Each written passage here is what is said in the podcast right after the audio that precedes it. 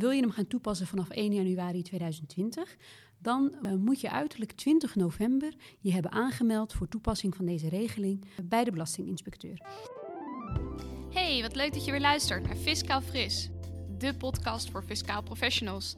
Ik ben Nancy van Bemmel van de redactie van Nextens.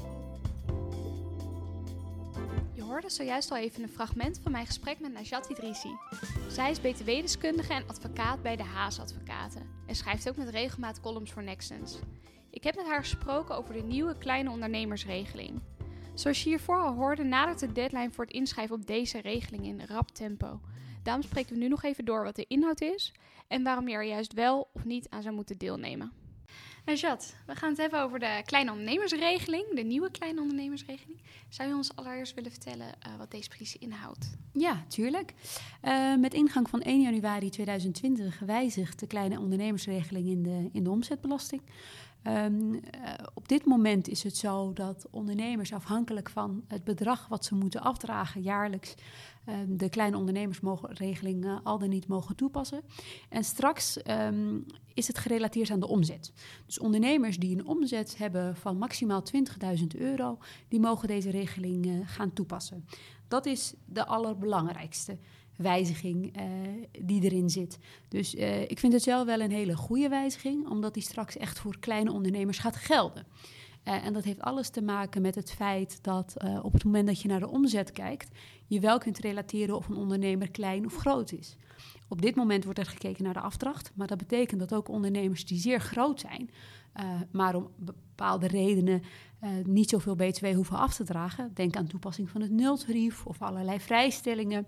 Ook deze kleine uh, ondernemersregeling mogen toepassen. En daar is hij eigenlijk niet voor bedoeld. Um, dus wat dat betreft, de huidige inderdaad, ja, ja. Dus wat dat betreft ben ik wel enorm blij met deze de nieuwe regeling. Ik zeg ook, we gaan straks echt een ondernemers een regeling hebben voor kleine ondernemers. Ja, dat is fijn inderdaad. Ja.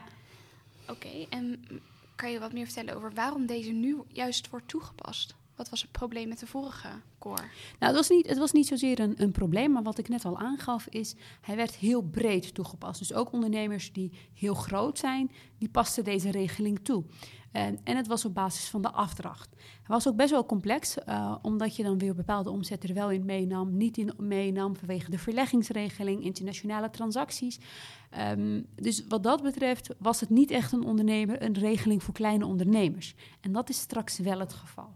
Oké, okay, en dat was ook het doel van het dat, kabinet? Klopt, ja. Dat is ook het doel, het doel geweest van de wetgever. De wetgever heeft het al uh, enkele jaren geleden aangekondigd in uh, een belastingplan om daar onderzoek naar uh, te gaan verrichten. Um, ik had hem vorig jaar al verwacht. Nou, daar stond hij er, toen, stond hij, toen werd hij al, al aangekondigd. het, ja, het jaar daarvoor uh, zijn ze flink bezig geweest met onderzoeken naar de mogelijkheden. En dit is uh, de mogelijkheid waar de wetgever mee, uh, mee is gekomen. En ik denk zelf wel een, een hele mooie. Ja, ja. En als ik hier nou mee wil, wil doen, aan welke voorwaarden moet ik dan voldoen? Nou, ik gaf het net al aan. Ehm, de omzet, jaaromzet is maximaal 20.000 euro. Dat is de allerbelangrijkste voorwaarde. Um, uh, op dit moment is het zo dat uh, de kleine ondernemersregeling alleen mag worden toegepast door eenmanszaken, vennootschappen onder firma, uh, maatschappen, et cetera.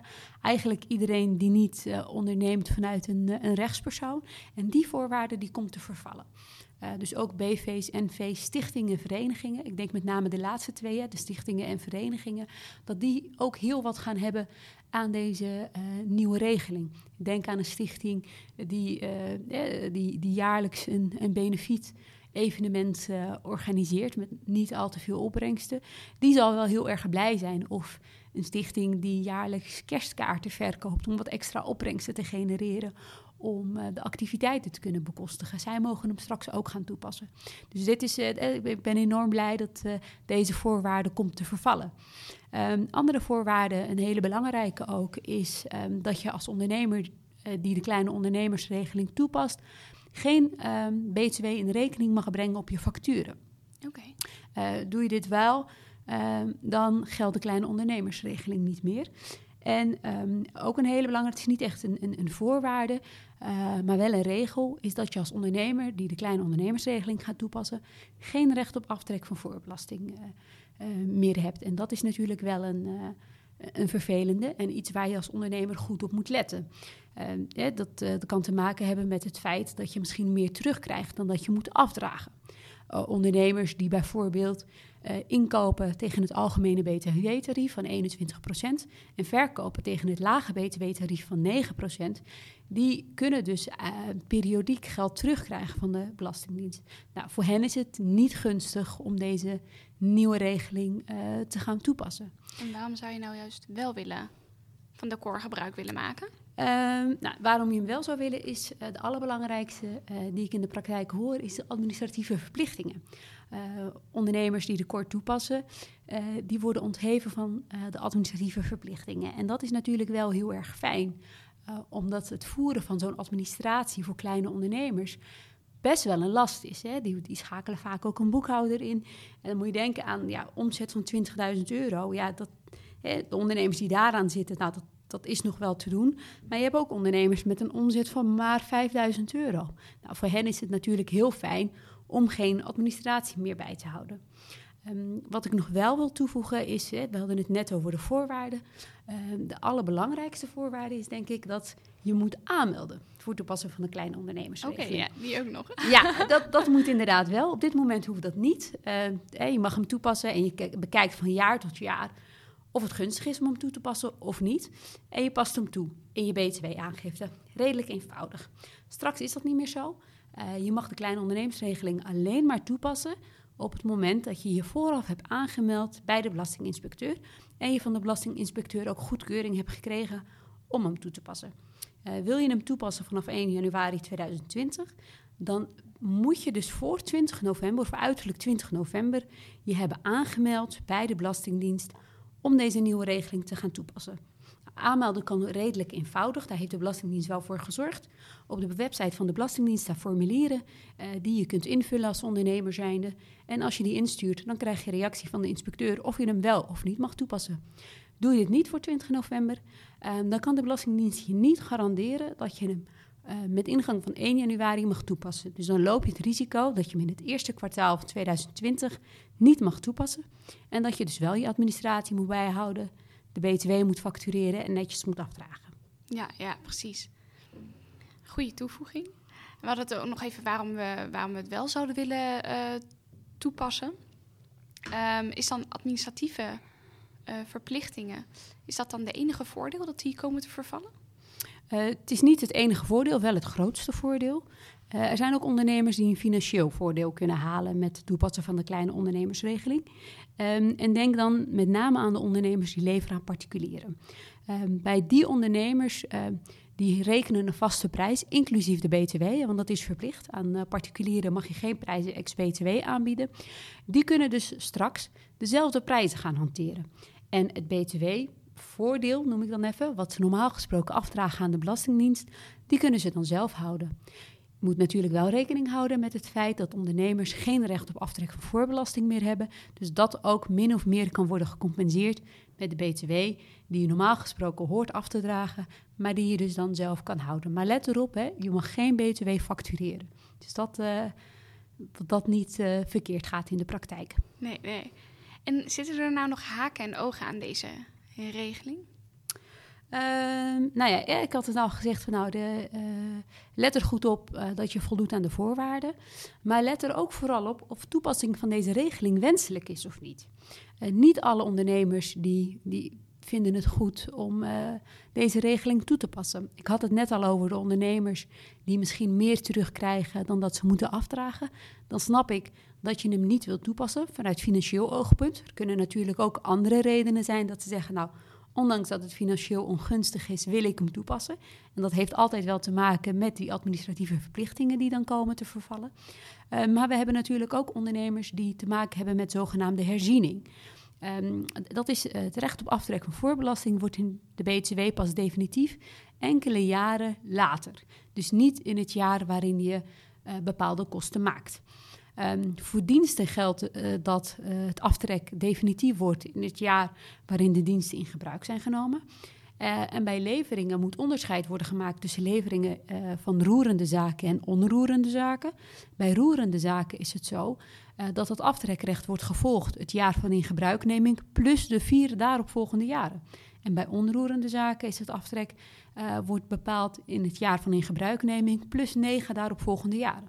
Dus het kan natuurlijk heel goed zijn dat in het verleden, hè, dan heb ik het over een periode van vier of uh, vier jaar bij roerende zaken en onroerende zaken die negen jaar, dat de ondernemer een investering is gedaan die nog in de herzieningsperiode valt.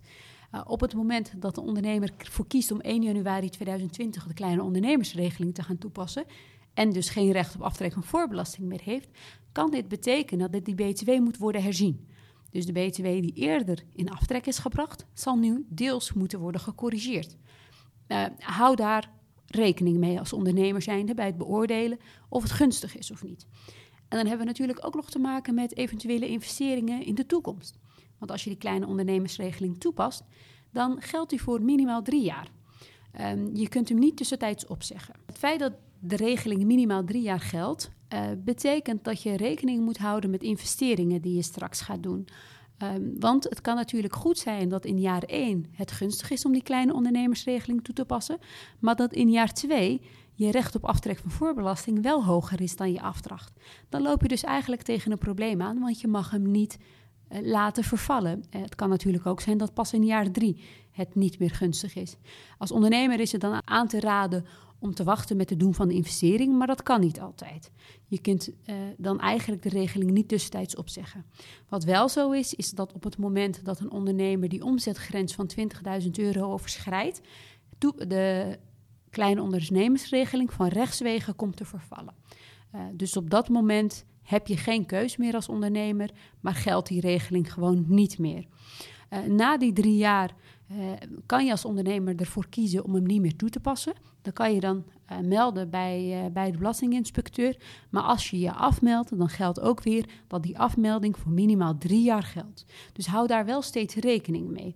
Je zult als ondernemer nu meer aan taxplanning moeten gaan doen. als je die kleine ondernemersregeling optimaal wilt gaan toepassen. Ja, dus dat kost eigenlijk ook weer administratief werk. Klopt, dat, uh, dat betekent inderdaad weer extra administratieve uh, lasten. Het is uh, op zich niet een hele lastige rekenexercitie. ondernemers die weten vaak wel welke investeringen ze de komende jaren kunnen verwachten. En nou, of het dus wel of niet gunstig is om te doen. En wat ik in het begin al aangaf, er zijn ook genoeg ondernemers die de kleine ondernemersregeling, ondanks dat het financieel ongunstig is, willen toepassen vanwege die administratieve vereenvoudiging. Dus de, de ontheffing voor alle administratieve verplichtingen. En dat snap ik ook wel. Ja, ja. Oké, en stel nou dat ik nu al gebruik maak van de, de vorige core. Uh, moet ik me dan nu opnieuw aanmelden? Uh, ondernemers die inderdaad op dit moment de kort toepassen, die moeten zich ook gaan aanmelden, dat klopt. Er geldt één uitzondering en dat is voor ondernemers die op dit moment ook al een ontheffing hebben voor de administratieve verplichtingen. Deze uh, ondernemers, denk bijvoorbeeld aan uh, de zonnepanelenhouders, die hoeven hem straks, die hoeven zich niet aan te melden. Die worden door de Belastingdienst automatisch aangemeld voor toepassing voor de nieuwe kleine ondernemersregeling. Let erop, wil je dit niet, dan moet je je wel afmelden. Dus die moeten dan enkel wat doen op het moment dat ze straks de nieuwe onder, uh, kleine ondernemersregeling niet willen toepassen. Oké, okay, duidelijk. Heb je misschien verder nog tips voor de luisteraars? Uh, nou, mijn tip is uh, vooral ga op tijd aan de slag. het is nu al heel krap, maar ga gauw aan de slag met kijken wat gunstig is. neem goed in overweging. vind ik het vervelend om die administratie bij te houden, die BTW te gaan rekenen? en wat is voor mij het meest gunstige? Uh, dat, is, uh, dat is voor nu het allerbelangrijkste. En dat alles het liefst voor 20 november? Dat alles inderdaad, allemaal voor, uh, voor 20 november inderdaad, ja. Oké, okay, helemaal duidelijk. Dankjewel Najat. Graag gedaan. Bedankt voor het luisteren. Wil je nu meer weten over de nieuwe kleine ondernemersregeling? Lees dan gerust verder op nextens.nl. Hier vind je diverse blogs en kennisdocumenten over het onderwerp. Volgende week zijn we weer met een nieuwe Fiscaal Fris podcast. Graag tot dan!